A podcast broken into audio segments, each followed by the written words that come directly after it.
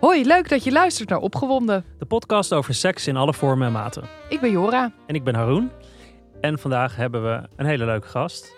Uh, iemand die ik al zelf al langer wilde interviewen. Uh, niemand minder dan Glenn Helberg. Uh, goedemorgen. Goedemorgen. Uh, je, je, ik mag je zeggen, hebben we net afgesproken. Uh, ik ben, niet. Uh, Jora moet u zeggen. je bent psychiater, activist, schrijver van het boek Als ik luister. Persoonlijke reflecties over de complexiteit en diversiteit van ons bestaan. Mm -hmm. Dat is ook een beetje misschien waar we het vandaag over gaan hebben. Um, maar wat ik heel leuk vind, is, is een, een, hele mooie titel. Namelijk, je wordt de mental health father van de queer community genoemd. Ja. Uh, een soort van superkracht bijna. Zo klinkt als een superheld. En dat ben je ook. Um, uh, veel erkenningen en prijzen ook voor gekregen. En ik vroeg me af wat die titel eigenlijk, ja, hoe je daar zelf invulling aan geeft. Wat het voor jou betekent. Nou, wat het voor mij betekent, is dat ik zeer verrast was. Maar het bracht me wel tot een realisatie. Namelijk dat ik tientallen jaren geleden in die spreekkamer zat ik maar tegen die. Ja, ik zat dan tegen met een persoon te praten. En in die vier muren. En begin dacht ik, dit is niet de plek waar geestelijke gezondheid moet plaatsvinden. Dat moet in de samenleving plaatsvinden. En dat betekende dat ik toen mijn psychiatrie, mijn vak, maatschappelijk ging maken. Dus op het moment dat iemand mij zo benoemt, dacht ik, goh, het is fijn. Want die dat kleine jongetje of die jonge psychiater die dacht het vak moet maatschappelijk worden. Als je zoveel jaar later merkt dat mensen dat oppakken met zo'n titel, dan is het die weg die ik heb afgelegd, waardoor ik eigenlijk geestelijke gezondheid gemaakt heb, met heel veel anderen, maar ik ook, tot iets dat in de samenleving thuis hoort. Waardoor geestelijke gezondheid een gesprek is waar mensen werkelijk denken: ik moet voor mijn geestelijke gezondheid zorgen. Ja. En het woord self-care is nu zo bekend. Ja. En uh, dus voor mij was het eigenlijk, oh, heb je die weg afgelegd? En het valt op, dat is fijn. Want hoe heb je dat dan uh, concreet aangepakt? Want je zegt eigenlijk van, nou, die het moet niet meer plaatsvinden tussen die vier muren. Uh, hoe, hoe heb je dat gedaan? Nou, een van de eerste dingen die ik gedaan heb toen, er zijn een aantal onderdelen van mij die ik in de samenleving probeerde uh, neer te zetten. Ik ben een zwarte, queer man. En uh, betekende dus dat mijn seksualiteit, mijn gender en mijn etniciteit en kleur een belangrijke rol speelden.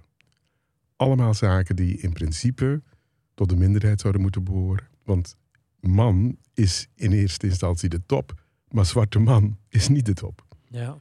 En uh, dus met die intersecties ben ik naar buiten getreden. En ik dacht, ik moet van invloed kunnen zijn. Dus ik moet bij organisaties gaan horen die een stem hebben in de samenleving. En zo ben ik begonnen, bijvoorbeeld met uh, voorzitter te zijn van een overlegorgaan, uh, Caribische Nederlanders. Dat het overlegorgaan was heel erg belangrijk, omdat het de wetten van de overheid toetste. Mm. En, uh, en we behoren toen bij het landelijk overleg minderheden.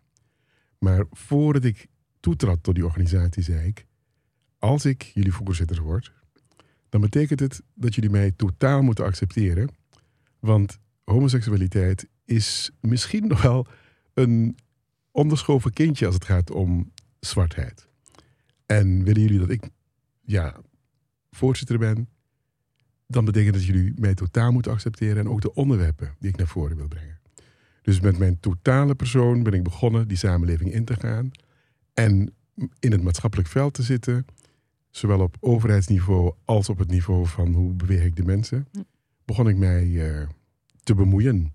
En een van de zaken bijvoorbeeld die uh, daaruit voortvloeiden, was dat ik uh, mijn Antilliaanse club zover kreeg dat wij de eerste uh, Antilliaanse boot waren op de Gay Parade. Oh, wow. Ja, en dat is natuurlijk bijzonder ja. als je, want er was ook interne strijd natuurlijk, ja. op zo'n boot daar neer te zetten. En ik was net geopereerd. Ik was um, 1 juni was ik geopereerd en twee maanden later zou die boot daar moeten staan. En toen nog was het zo dat men zei van nou, uh, we weten niet of we moeten doen. En ik vanuit mijn ziekbed, ik was net geopereerd, ik zei die boot komt er, al moet ik er zelf voor betalen. Ja. En uh, toen kreeg je dan gedoe in, die, uh, in het bestuur, waarbij men het te erg vond dat ik als zieke man die net een transplantatie van de nier heeft gehad, die ook nog een boot gaat betalen. Ja. Ik dacht, die boot gaat door, of Ja, ik nou getransplanteerd ben of niet. En uh, nou, die boot is gekomen, de discussies. En op een gegeven moment, ik kon nog niet behoorlijk lopen, maar die boot stond er. En ik hees mezelf op die boot en af en toe ging ik kajuiten in om bij te komen. Maar ik zou er, voor, ik zou er zijn op dat moment. En dat moment van zo'n boot, ja, ik vind de gay pride en met name de Canal Parade is voor mij heel em- emanciperend geweest. Mhm. En uh, ik weet wat het voor mij betekent de eerste keer dat ik in totale vrijheid daar stond en zei: zie mij Hm. en uh, accepteer mij. En uh, ik weet dat daarna weet ik dat het voor veel mensen van betekenis is geweest, met name uit de zwarte gemeenschap, dat er zo'n boot met representatie op de parade was. Ja. En uh, dat is een van de voorbeelden hoe ik dus zowel het ene opkomen voor de minderheden, opkomen voor de uitsluiting, opkomen voor het feit dat racisme er is. En de andere kant van niet alleen op kleur sluiten we uit, maar op veel meer. En dat probeer ik steeds in alle functies te, bij elkaar te brengen. Ja, en je bent ook echt voor, voor, denk ik, queer personen van kleur echt wel een rolmodel. Ik denk dat ze echt wel tegen je opkijken. Ik, en, ook do, door dit soort activiteiten bijvoorbeeld. Hè. Ik vroeg me af, um, want je bent ook vaak bij um, debatten, gesprekken met binnen de community. Ik vroeg me af wat je van queer personen van kleur hoort. Welke ervaringen delen ze met jou? Uh, vooral over dingen als geestelijke gezondheid of inderdaad worstelen met die intersectie tussen bijvoorbeeld seksualiteit en, en etniciteit. Um, en waar lopen ze tegenaan? Weet je, um, als ik het over zwarte queerpersonen heb, dan gaat het wel over de verschillende bubbels. Want ik weet nog dat uh, toen, ik, toen ik jong was, zaten we in een vrij progressieve club. Want als ik bedenk, 17 jaar oud, in Nederland komend, en eigenlijk het jaar daarop al uh, 18 jaar in het COC functionerend en meedoen. En de, de mensen uit dit land, en ik kwam uit Curaçao, mm -hmm. en mensen in dit land de introducties moeten doen in Utrecht. Van je komt uit, je komt van het platteland of je komt ergens vandaan. En ik als Curaçao's jongetje zou dan de introductie doen en de jongeren hier begeleiden naar ja, de coming in, de coming out en hun weg vinden. Ik moet zeggen dat ik vanuit die tijd het gevoel heb dat we we waren echt op weg om onszelf te vinden. En die stootkracht was er. Want ja, het, wa het was de jaren zeventig. Mm -hmm. En uh, mijn club van mensen, dat waren allemaal mensen, dus ook op, op Curaçao. Dat waren allemaal mensen die uit die onderdrukking wilden komen. Dus het moment dat wij vanuit Utrecht onder aan de kelder, de boven op de straat, onszelf lieten zien, dat waren hele belangrijke emanciperende momenten. En als ik dan naar het geheel kijk, dan zeg ik, er zijn verschillende bubbels. En die bubbels hebben te maken met uit welk gezin kom je. Mm. Dus je ziet dat sommige mensen die uit een, uit een onderdrukkend gezin komen, um, dat daar veel meer moeite is dan wanneer je uit een gezin komt of uit een laag van de samenleving komt waar men je wil steunen. En een van de belangrijke zaken, dit gaat niet over gekleurde queer mm. mensen, maar het gaat over alle mensen. In principe wil je gezien worden door je ja, je eerste, je primaire opvoeders. En als je afgewezen wordt, dan is dat een van de ergste dingen. En als we de lijn doortrekken van afgewezen worden naar mental health, zien we dat die twee dingen heel erg in elkaars verlengd liggen. Want dat afgewezen worden, dat begint al heel vroeg in de jeugd. Want je hoort van alles en nog wat en je voelt, je merkt, ik ben anders dan de anderen en ik ben niet oké. En er worden allerlei zaken gezegd. En je maakt die woorden die uit de omgeving komen, die gaan bij jezelf horen. Die ga je integreren. Dat wordt een onderdeel van jezelf. En dat is het begin van uh, eigenlijk de onderdrukking in jezelf. Je begint dus eigenlijk die homofobie te internaliseren. En in je proces, waarin je langzaam hoort dat er mensen zijn zoals jij en je eruit wil komen, dan moet er een steunende omgeving zijn. En als die steunende omgeving er is, dan durf je veel meer dan wanneer je alleen maar moet blijven in dat, ja, Dat hokje in jezelf waarin je bang bent, je afgewezen voelt, je jezelf ook afwijst. En vervolgens ehm, probeert eruit te komen. Die steun om je heen is erg belangrijk. Zwarte queer mensen, dat weten we. Het gaat over die stapeling van factoren bij elkaar. Ben ik zwart? Ben ik homo? En ik weet nog dat men mij vroeg ooit eens... Ja, je bent eerst zwart. Ik zeg nee. Ik ben eerst homo. Want mijn seksualiteit, mijn gender, dat is voor mij het belangrijkste. Want in mijn eigen gemeenschap word ik onderdrukt. Dus ik ga niet eerst zwart zijn. Hm. Maar het is geen kwestie van eerst of niet. Ik ben ze allemaal. Mhm. Maar een van de zaken waar ik het zeker in eerste instantie voor zal zorgen, dat ik met mijn liefde, mijn manier waarop ik me uit wil drukken, dat daar ruimte voor is. Dus ik heb heel duidelijk voor mezelf gemaakt, je zorgt ervoor dat jij je veilig voelt in wie je bent, in wat je bent, in van wie je houdt. En natuurlijk ben ik ze allebei en is het niet zo dat één belangrijker is dan de andere. Maar als een groep mensen mij gaat vragen, je bent zwart en je moet eerst zwart zijn, zeg ik nee. Ik moet eerst mezelf zijn. Ja. En dan kan ik de rest zijn. Ja, nu leeft natuurlijk in een tijd waarin ehm, ja, eigenlijk eh, queer personen bijna worden gezien als een trend. Je ziet dat ook op, op eh, lagere scholen, middelbare scholen, dat, dat eh, ouders bang worden en denken van ja, maar wacht eens even, nu iedereen uit de kast kan komen, worden mijn kinderen daar ook mee besmet. En er zijn heel veel meer trans kinderen nu dan vroeger. En dat is best wel zorgelijk, vind ik. Ook de acties tegen de transgenderwet. Hoe kijk jij daar tegenaan? Nou, op het moment dat mensen zeggen tegenwoordig, dan hebben ze te weinig in het verleden gekeken naar hoe de mensenseksualiteit en de manier waarop je in het leven staat, je, je eh, identiteit, je genderidentiteit, hoe dat tot uitdrukking komt. Ik ben er heel trots op, en dat vertel ik vaker, dat ik ehm, van gemengde bloeden ben. En het betekent dat ik ook inheems bloed heb.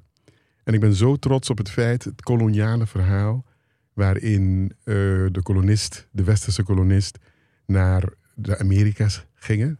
Dat die westerse kolonist daar naartoe ging. En die zag daar eh, verschillende genders. En die zag eh, mensen met elkaar in bed liggen.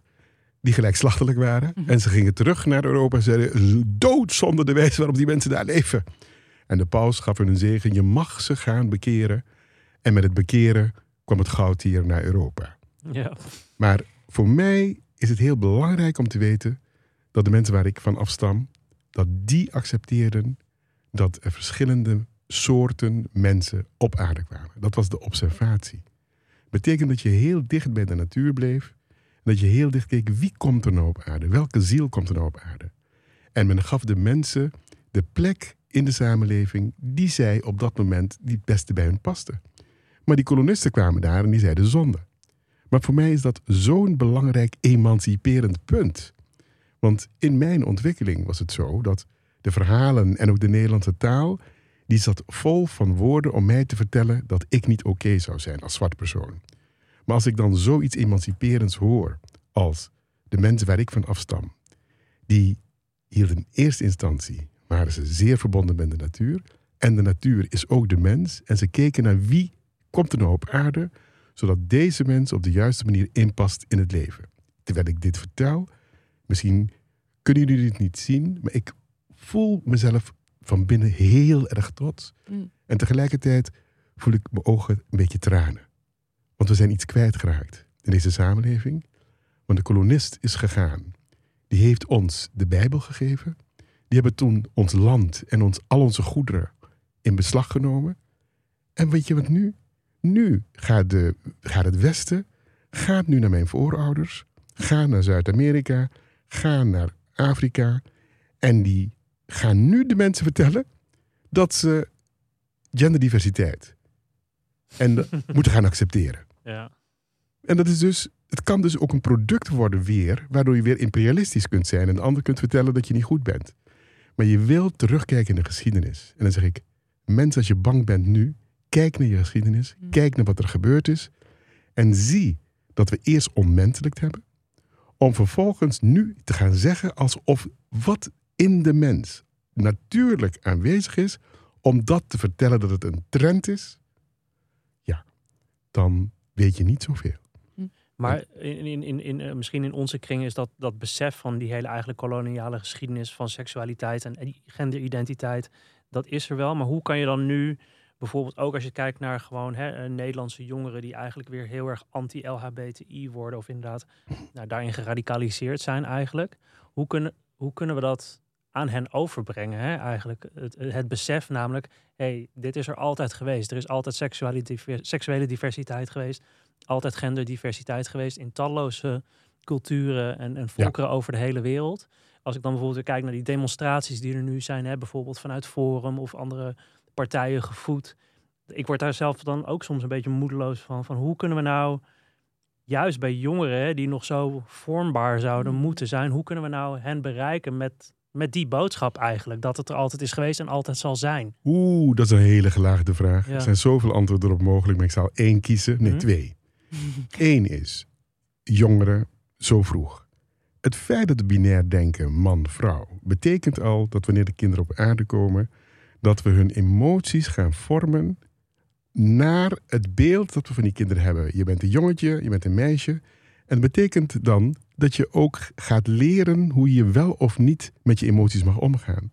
Dus die vorming van wat voel ik, die begint al zo vroeg in die, dat binaire verhaal terecht te komen, dat je niet anders kan als klein kind, dat je in eerste instantie daarin uh, ja, groot wordt. Daar worden wij allemaal die queer zijn ook in groot. En zodra we merken dat het ons niet lukt, dan begint ons conflict van binnen, wel of niet. En als we gesteund worden door onze ouders, is het minder een conflict. Maar de manier waarop we de mens benaderen, daar zit het probleem in. Dat we indelen en zeggen: dit is zoals de wereld eruit ziet. En dan zijn die kinderen wat groter. En dan weet je iets, ik zeg net, seksualiteit, genderdiversiteit is er altijd geweest. Maar weet je wat er ook altijd is geweest? Dat mensen die genderdivers zijn, seksueel divers zijn, zijn altijd gebruikt als zondebok in tijden van spanning. Zeker. En het is niet nieuw. Ook dat is iets wat we moeten gaan zien. Ik bedoel, heel simpel. Een oorlog in Oekraïne. Hoe mhm. kan Poetin bedenken dat hij als. Dat, hij, dat, dat is niet te geloven. Dat je zegt: ik doe het omdat Oekraïne te modern wordt met die homoseksualiteit. En dat mensen dat ook nog slikken. Ja. Dan denk je: alweer? Moeten we alweer als zondebok dienen? En het betekent dus dat wij als queergroep wij zijn een bedreiging voor de macht. We zijn een bedreiging voor het verhaal. En je zei net, of jij zei het, ik weet niet meer. Wie zijn de mensen die het gaan gebruiken? Je noemt Forum. Ja, je noemt Forum. Hoe, hoe, hoe kijken we naar Forum? Dat ze, als je dat een karikatuur ervan maakt, dan zijn dat mensen die een bepaald uiterlijk hebben, een bepaalde kleur hebben en die altijd de macht willen hebben. En wat, wat ga je dan gebruiken dan moet je vrouwen achter het behang plakken. Eh, nee, sorry, achter... Uh, achter het aanrecht. Achter aanrecht. Achter het aanrecht zetten. Achter, af, en toe wil ik mijn vriendin... behang plakken. Ja, ik wou net zeggen, mijn vriendin ook wel eens achter het behang plakken. En, en, en, homo's moet je achter het behang plakken. Hè? Dan uh, bestaan ze niet meer. Ja. Dus het is ook, mensen moeten ook duidelijk zijn dat wanneer ze denken dat ze iets nieuws doen, dat dat ook oud is. In tijden van spanning hm. gaan mensen ons gebruiken omdat er een evenwicht verstoord gaat raken. Ja, en eh, wat, wat me dan ook te binnen schiet is dat ook heel erg, dit allemaal heel erg samenhangt met het idee dat mannelijkheid of masculiniteit onder druk staat. En dat je dus heel erg juist, de, de, de weerstand komt heel erg van soort van, nou, uh, mannen die zichzelf op de borst kloppen, hè, een beetje een soort van uh, spierballen willen tonen. Het idee van hun mannelijkheid staat onder druk door vrouwen, door LHBTI'ers, door transpersonen. Ik vroeg me af, misschien ook vanuit je praktijk en als psychiater en de gesprekken die je met man hebt gehad. Wat is dat toch? Dat dat hele thema van mannelijkheid staat onder druk. Of dat nou wel of niet zo is. Dat dat nu zo'n groot, ja, borrelend gevoel is uh, onder, in de samenleving. Nou, je noemt het mooi, een borrelend gevoel. Ja. Maar zo ervaart die, uh, die, die mannelijkheid dat niet. Want dat is juist het probleem. Als je niet dat, dat, dat uh, dat zoiets, die vorm, schabloon, dat mhm. schabloon van mannelijkheid, dat je dat niet overeind kunt houden, dan is er niks meer over. Want een van de zaken die mensen moeten leren is heel zijn. Betekent dat je verstand hebt, je hebt een lichaam, je hebt gevoel, je moet ermee leren omgaan. Maar als je gevoel gestroomlijnd wordt naar hoe je eruit ziet, Ja. namelijk met een piemeltje en een witte kleur, of Vier lichaam misschien. Ja. dan is het een bedreiging, want dan blijft er niks meer over. Dan zeg je, wat moet ik nu? Wat je moet doen, is heel worden. Dat is wat wij als queer mensen moeten doen. We, we hebben een leven waarin we zeggen, we zijn op aarde gekomen. Wat zien we? En binnen dit verhaal willen we voelen dat we in harmonie zijn met elkaar. Met onszelf. En niet omdat we de anderen willen onderdrukken, maar omdat we in harmonie zijn met onszelf. Maar als je verhaal is, ik ben vanwege de onderdrukking van een ander, ja, als dat niet meer bestaat, dan heb je niks in handen. Ja. En is dat dan, hè, wat ze dan fragiele mannelijkheid of masculiniteit Dat noemen? zou je inderdaad hele erge fragiele mannelijkheid. Ja, toch? Dat is Ja. eigenlijk gewoon dat zo'n kwetsbaar eigenlijk Het is- zelfbeeld. Het is heel kwetsbaar, ja. En heel erg afhankelijk inderdaad van het je afzetten of het onderdrukken van anderen. Precies. En een van de dingen die je moet weten als je die fragiliteit noemt, als we het hebben over suïcide, dan zijn er twee soorten suïcides. Althans, in groepen. We zien dat mannen, dat die, die, die, die, dat mannelijkheidsideaal, dat dat leidt tot suïcides. Want het getal van mannen dat suïcide pleegt, pleegt dat is een verborgen verhaal. Dat is enorm. Ja. Precies. Mm. En we hebben in onze queer community veel te hoog cijfer van suïcide vanwege die afwijzing. Ja. Dus precies op dat punt waar het gaat over wie mag ik zijn. Dus die ene die ubermannelijk moet zijn, die redt het niet. Dus die gaat denken op een bepaald moment, ik red het niet. Of je hebt die ene die zegt, ik herken me niet in wat jullie vrouwelijkheid en mannelijkheid noemen. Ik wil mezelf worden. En door die afwijzing in dat zelf worden, zien we ook dat er slachtoffers gemaakt worden. Ja. En zien we in die queer community ook dat er verhaal is van waarom in onze gemeenschappen zien we veel meer zelfmoord. Ja. Dus dat verhaal, dat cruciale verhaal, en dat wil niet doordringen tot de gemeenschap. Hoe mogen mensen op aarde komen en de weg naar heelheid vinden, hun heelheid vinden? Nee, het is veel makkelijker om inderdaad je te identificeren, bijvoorbeeld in de onderdrukking.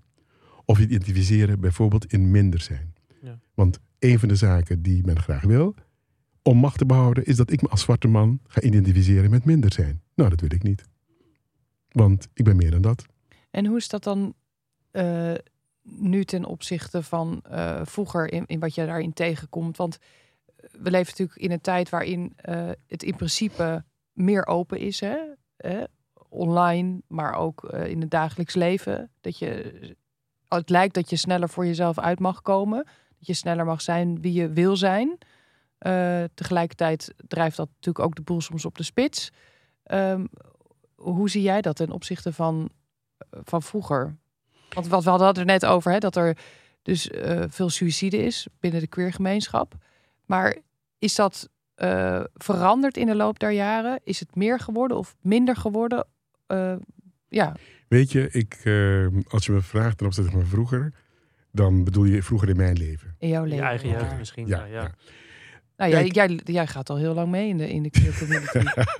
maar nog steeds zijn we maar tientallen jaren in het leven. Hè? Ja, maar misschien ook omdat je natuurlijk ook al tientallen jaren mensen helpt. Dus ik denk dat je wel een Ja. goed beeld Ja. hebt vanuit je Nee. praktijk. Van wat zijn de zorgen en zijn die veranderd of meer of minder geworden natuurlijk. Nee hoor, absoluut, ik begrijp het. Maar dat, dat vroeger, ging- ik had het net ook over 400 jaar geleden. Ja, nee, dat is waar. Ja. Nee, ik bedoel, dus jij bent geboren en eh, Laten we het de moderne Ja. geschiedenis we gaan uit van jou vroeger, Glenn. Oké, wij vroeger. Ja?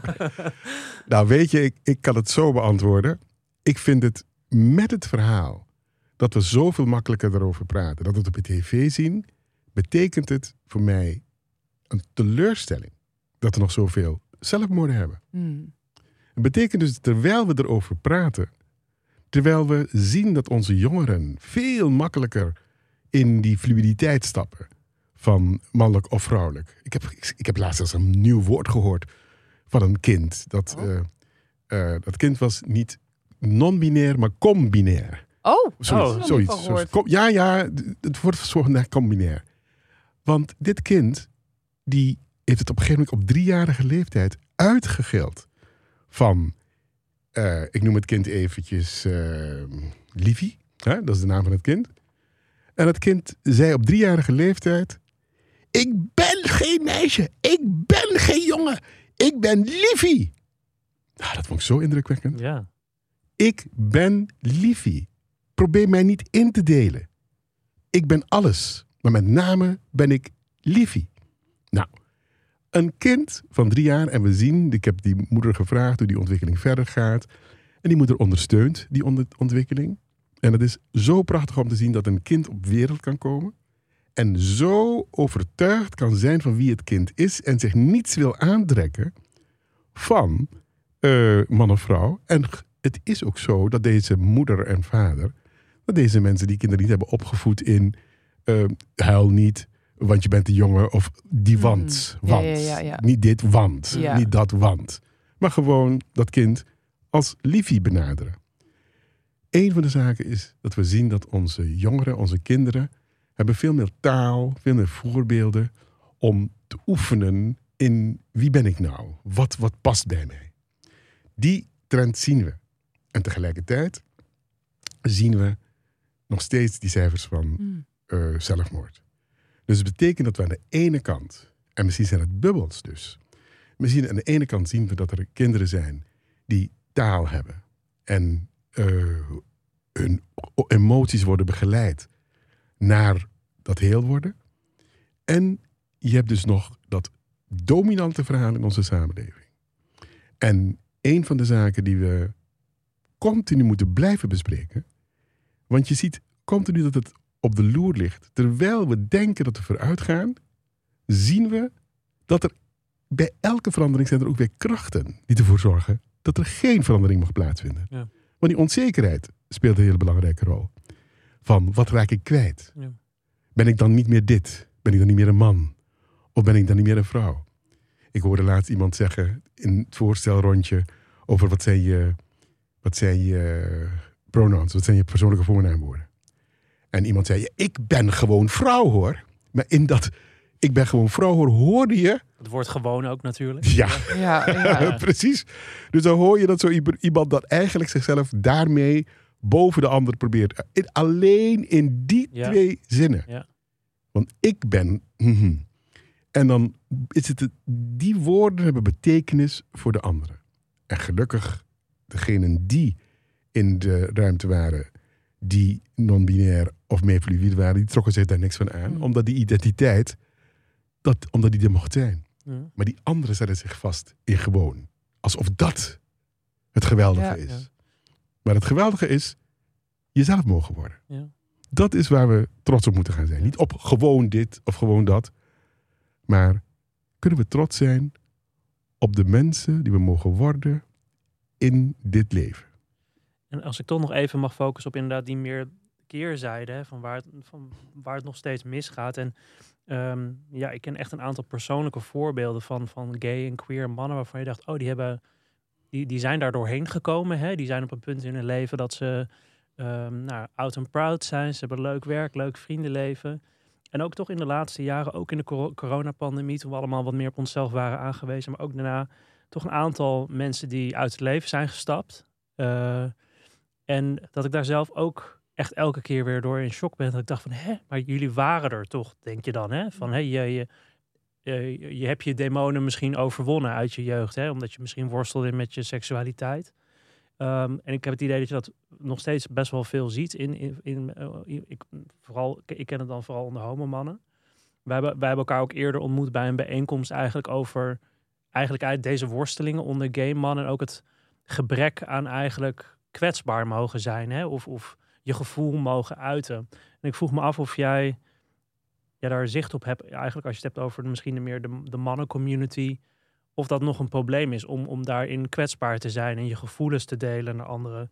Ehm, te praten over je problemen. Of daar nog werk valt te verrichten. Arun, ik eh, luister naar je en ik volg mijn emoties. Volg wat er in mijn lichaam gebeurt. En ik ga zwaarder ademhalen. Betekent dus dat dit me raakt. Ehm, en dat mag er zijn. Het moet ons raken. Als we weten dat we oud en proud zijn. Vroeger was het woord gay. En ik zei altijd, vrolijk. Zijn we werkelijk zo vrolijk? Mhm. hebben we die. Want op het moment dat je in een community kan komen waarin je jezelf kunt zijn, dan kun je je blij voelen. Je kunt gay zijn. Je kunt oud en proud zijn. Maar heb je de grote afwijzing die er was, heb je die een plek kunnen geven? Ben je door dat verdriet heen gegaan? Ben je door die eenzaamheid heen gegaan? Ben je door de opmerking die je over jezelf maakte om jezelf minder te maken of minder te waarderen? Heb je, die, heb je dat doorgewerkt? Een van de zaken die bijvoorbeeld laten zien dat we nog een heleboel hebben door te werken, is dat je wel oud en proud kunt zijn. Maar begin als de oud en proud over de buitenkant gaat. Ik heb dit bereikt. Ik heb een huis. Of ik heb een baan.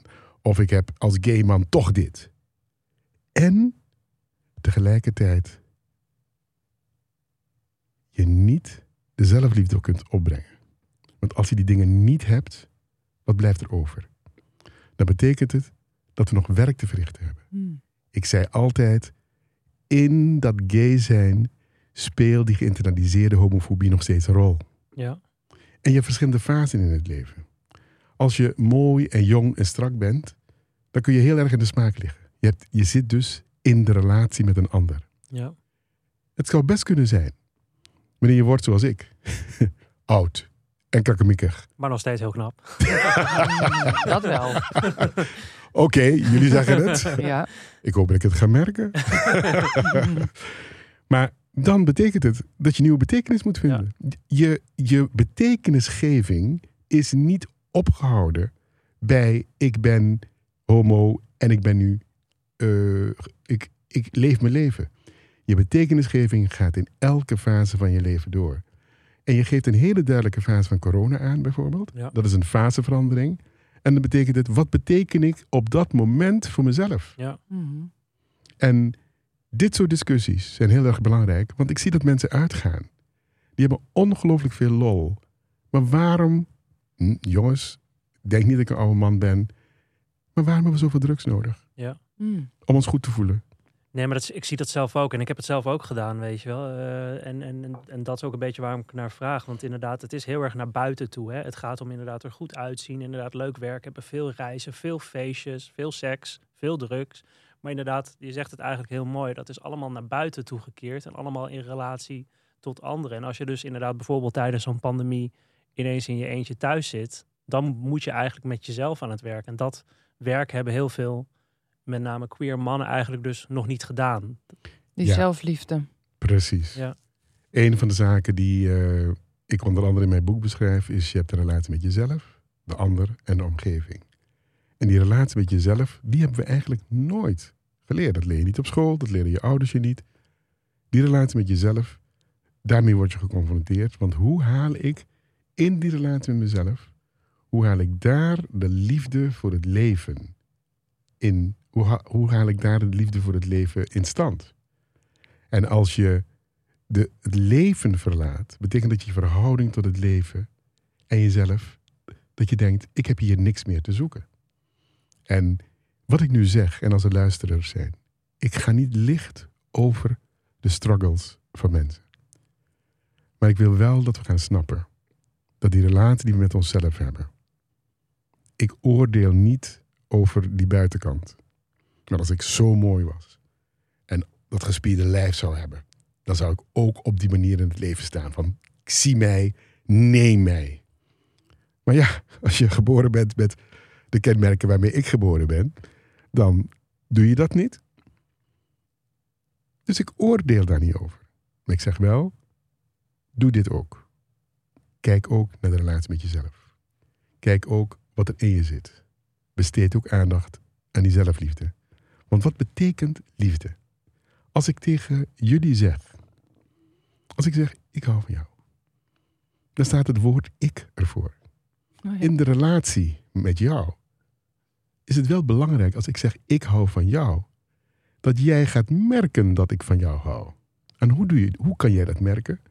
Als jij weet wat jouw behoeften zijn. Mhm. Dus als ik van jou hou en jij merkt dat ik met mijn liefde jouw behoeften vervul, dan is het zo. Maar op het moment dat ik zeg ik hou van jou en jij gaat alleen maar met mij vechten omdat je voelt dat die behoeften niet vervuld worden, dan zeg jij steeds, je houdt niet van me, je houdt niet van me. Mhm. Eigenlijk zeg je dan, ik merk dat je, je zegt dat je van me houdt, maar weet je, ik zou het kunnen voelen als jij mijn behoeften in de buurt komt van het vervullen van mijn behoeften. En dan kunnen we daarover gaan praten, omgekeerd. Want ik hou van jou betekent ik. Maar als je jezelf tegen jezelf zegt, ik hou van je, over zelfliefde, betekent het ook dat je moet gaan snappen, wat zijn mijn behoeften nou precies? Mm. Op welke manier kan ik ervoor zorgen dat ik het beter heb met mezelf? Ja. Dus dat begrip, ik hou van je, wat we geleerd hebben, dat romantische verhaal, we moeten heel goed gaan zien dat het altijd gaat over de relatie, de relatie met de ander, de relatie met onszelf en hoe we leren. Want een van de zaken die belangrijk zijn, is dat we behoeften hebben.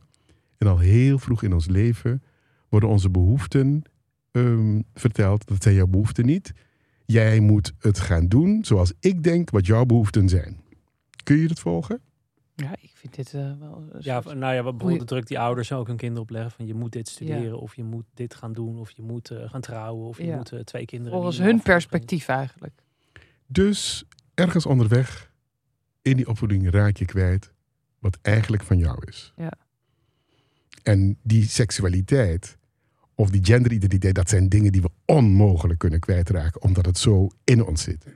Maar tegelijkertijd proberen we toch iemand ergens, dat iemand ons lief blijft vinden. Ja. Dus we gaan toch inleveren. En hoe is dat bij jezelf, Glenn? Mag ik dat vragen? Maar natuurlijk, Hou, Ja. hou je van jezelf? En hoe is, hoe is die relatie met jezelf?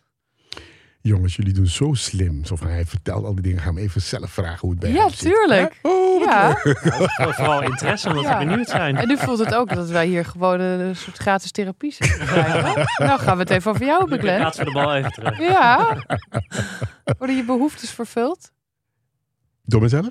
Ja. Ben- ben- ben je, waar sta je in het leven nu? Weet je, ik ben heel blij dat ik dit kan zeggen. Omdat ik het elke dag oefen. Ik oefen elke dag met wat heb jij nu nodig? Ik noemde mezelf net krakkemikkig. Het is geen grap. Ik ben krakkemikkig. En wat ik merk is dat er in mijn leven veel verlieservaringen zijn door fysieke zaken. Ik moet me steeds aanpassen aan wat ik kwijtraak in het leven. Maar op een of andere manier. Eén, ik heb het ook geleerd van mijn ouders trouwens. Dus niet helemaal van mezelf. Ik heb het van mijn ouders geleerd hoe om te gaan met ziekte en verlies en et cetera. Maar ik heb dat goed geleerd. Want ik merk dat ik de lol in mezelf blijf houden. Ondanks de zaken die minder zijn. Mhm. En ik struggle. Maar ik, ik vind het wel mijn struggle. Ik zeg niet, hoe, waarom overkomt mij nou dit? Voor mij is het heel duidelijk. Ik heb een aantal zaken die genetisch zijn. I have to deal with it. Wil ik er iets leuks van maken? En een van de zaken die ik zeg, ook in mijn boek, is... we leren vanaf het begin tot het einde. En ik heb ook een overtuiging. En dat is, wanneer ik zo tegen het einde van het leven kom... wil ik op een leuke manier, en dan bedoel ik spiritueel... aan het einde komen van het leven. Want afhankelijk van je mensbeeld en je spirituele beeld... en je gedachten over het hiernamaals... denk ik dat mocht het zo zijn dat ik niet meer terugkom... dan heb ik een leuk einde. Mocht het zo zijn dat er een leven terug is... Hè, dat er een, een reïncarnatie is... dan volg ik die weg van zorg ervoor dat je op een, op een evenwichtige manier doodgaat... zodat je, wanneer je in een volgend leven komt... die rotzooi die hierin Niet op een hele vervelende manier weer terugkomt eigenlijk. In, een, Ja. in een heel vervelend lichaam. Ja. En er is één ding waar ik zeker niet in geloof. Is dat er een hel is en, een, een, eh, dat je de hel komt, et cetera. Want een tante van mij zei altijd... Glenn, ze praten over hel en hemel, maar hel is hier op aarde hoor. Al die, al die dingen. Dit is de hel. Ja, maar je ziet het toch? Ja. Hoeveel wij als mensen elkaar aandoen omdat we denken dat wij de norm bepalen voor de ander hoe die mag leven. Nou, ik vind het een hel als je op aarde komt en je niet jezelf mag worden, maar dat iemand anders gaat bepalen wie je bent. Dus ik geloof niet in een hel en een hemel, want ik zie de struggles die we hier op aarde al hebben om jezelf te mogen zijn. Mm. Want de ander, er is altijd een ander die weet wat beter is of hoe het moet. En niet alleen beter weet, ook sancties uitvoert. En een van mijn grote struggles is nu ook. Ik heb contact met mensen, bijvoorbeeld in Afrika. En als ik zie wat de struggle daar is, op het gebied van gender, seksualiteit en kleur, dan denk ik, jongens, wat hebben we eigenlijk allemaal met elkaar gedaan? Ik heb dus een pleegzoon in Accra, in Ghana. Die jongen vertelt mij elke dag hoe het leven daar is. En hij heeft nu geweldige eh, examenpunten. En eh, hij is heel trots.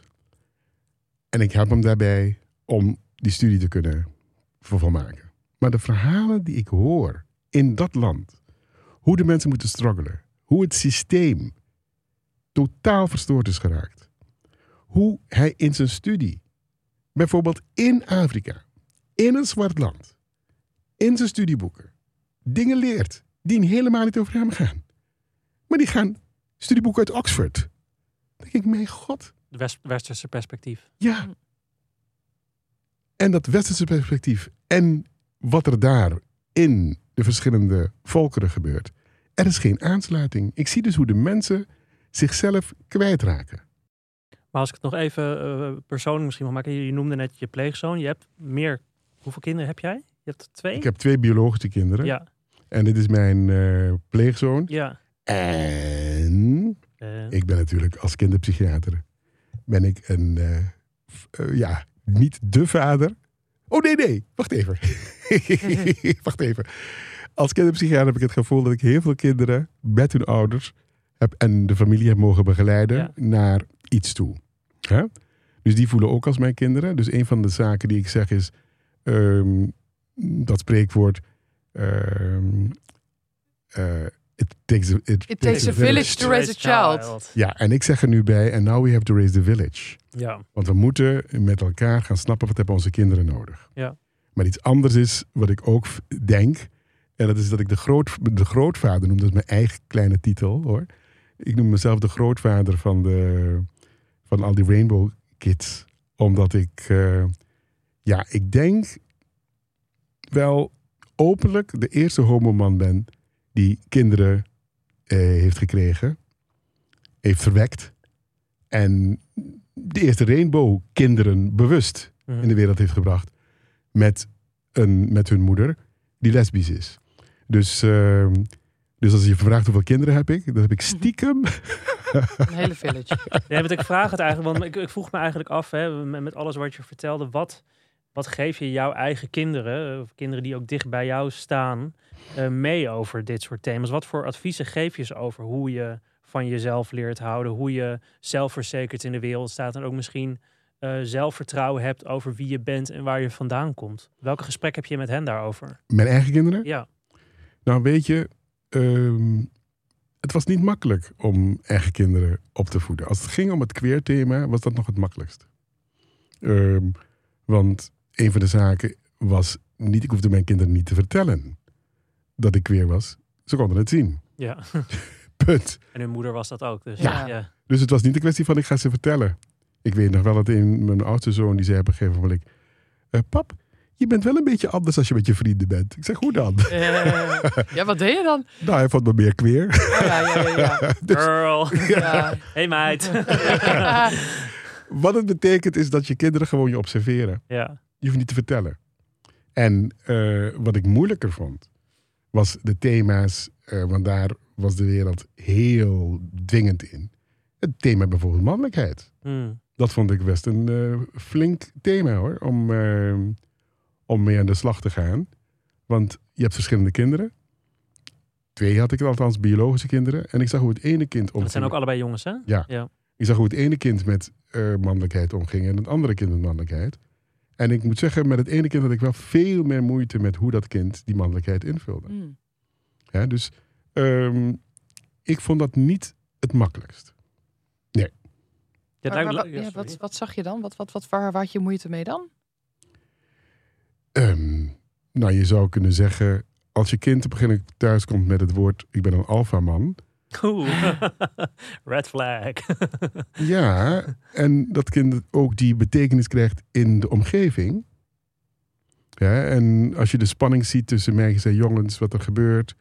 En eh, hoe je moet proberen je kinderen daarin te begeleiden. Ik niet ik alleen, maar het zijn behoorlijke thema's. Het zijn niet, dat doe je niet even. Als je zegt, hoe praat ik er met anderen over?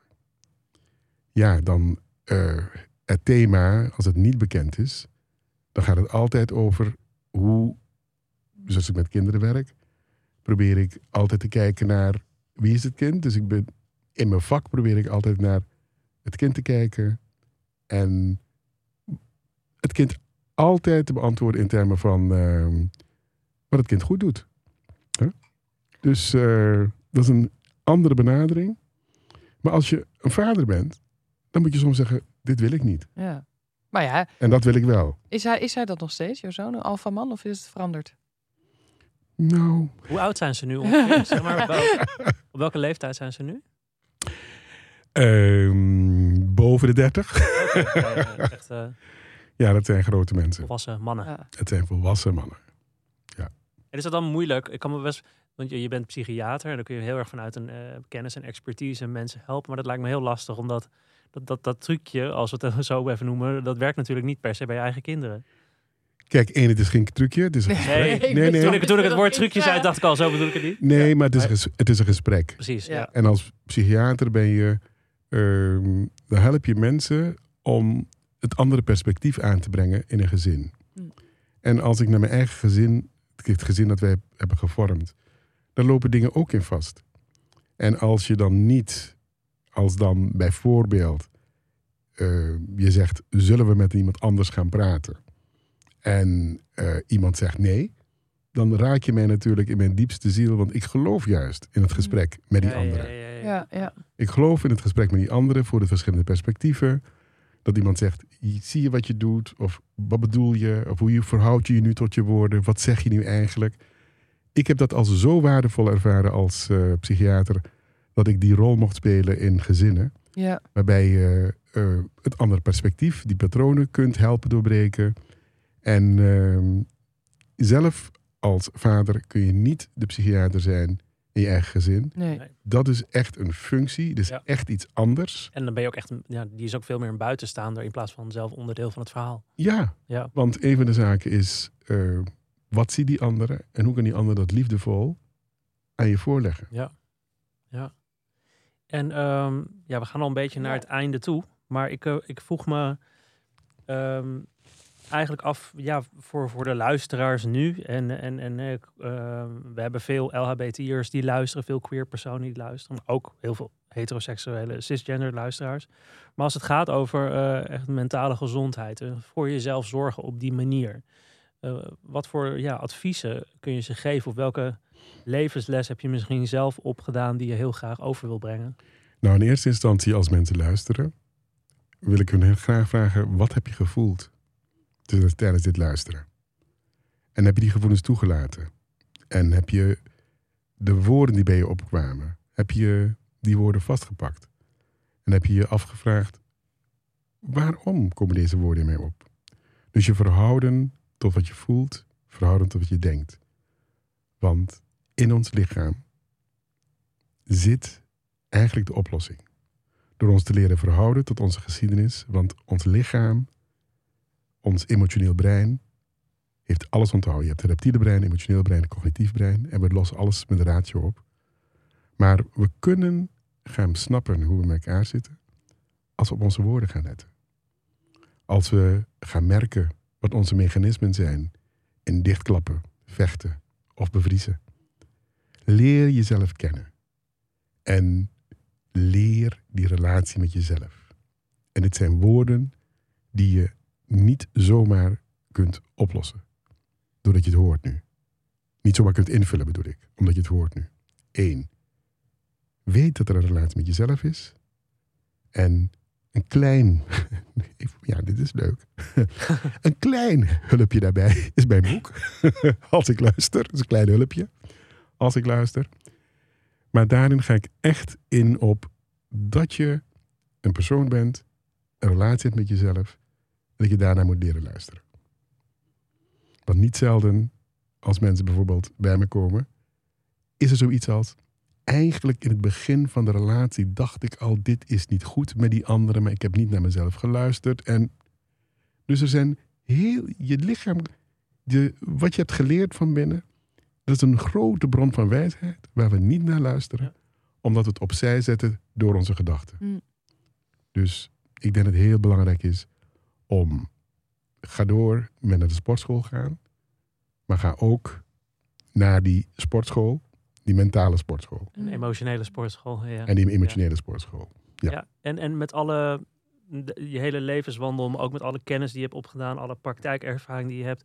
ehm, ben je zelf nu op een gelukkig punt in je leven? Je vertelde net je, je fysieke eh, struggles, maar en, en mentaal en emotioneel zit, zit je zelf lekker in je vel? Weet je, als geluksgevoel is niet een continu gevoel. Nee. Nee. Geluksgevoel is iets wat je kunt ervaren. Waar ik in mijn leven naar streef is steeds weer opnieuw de balans te vinden. En in, in die balans, in die harmonie, kunnen de gevoelens tevoorschijn komen van... Goh, wat ben ik nu blij. Of goh, wat ben ik nu gelukkig. Of goh, het is nu rustig. Of goh, ik heb nu zin om te slapen. Of goh, ik heb nu zin in seks. Goh, wat heb ik daar nu zin in? Gewoon dat ik leer te leven naar wat zijn mijn behoeften? Kan ik dat vervullen? Mensen zeggen soms egoïsme, maar ik heb ook alleen mezelf. Dus ik moet leren wat ik nodig heb. En die weg, die probeer ik steeds elke dag te verfijnen. Mooi gezegd. Heel mooi, ja. Daar, daar sluiten we mee af. Eh, hè, zo. Zo, eh, hoe, hoe was deze Ja, ik vond voor jou, Jora? hele. Ja, nou, ik, pff, ik heb er zoveel eh, van opgestoken en ehm, ja, het, het was een, een diep, diep, diepgaand gesprek. Zeker. Oké, ik vond het ook heel fijn. Dus dank voor je komst, Glenn Helberg. Ehm, en inderdaad, om nog even inderdaad een keer je boek te noemen. Als ik luister, eh, is te verkrijgen overal. eh, en kan je inderdaad helpen om die relatie met jezelf te verbeteren. Ja, Toch? Zeer belangrijk. Ontzettend bedankt voor je komst, Ja. Helberg. En ehm, tot de volgende keer. tot de volgende keer.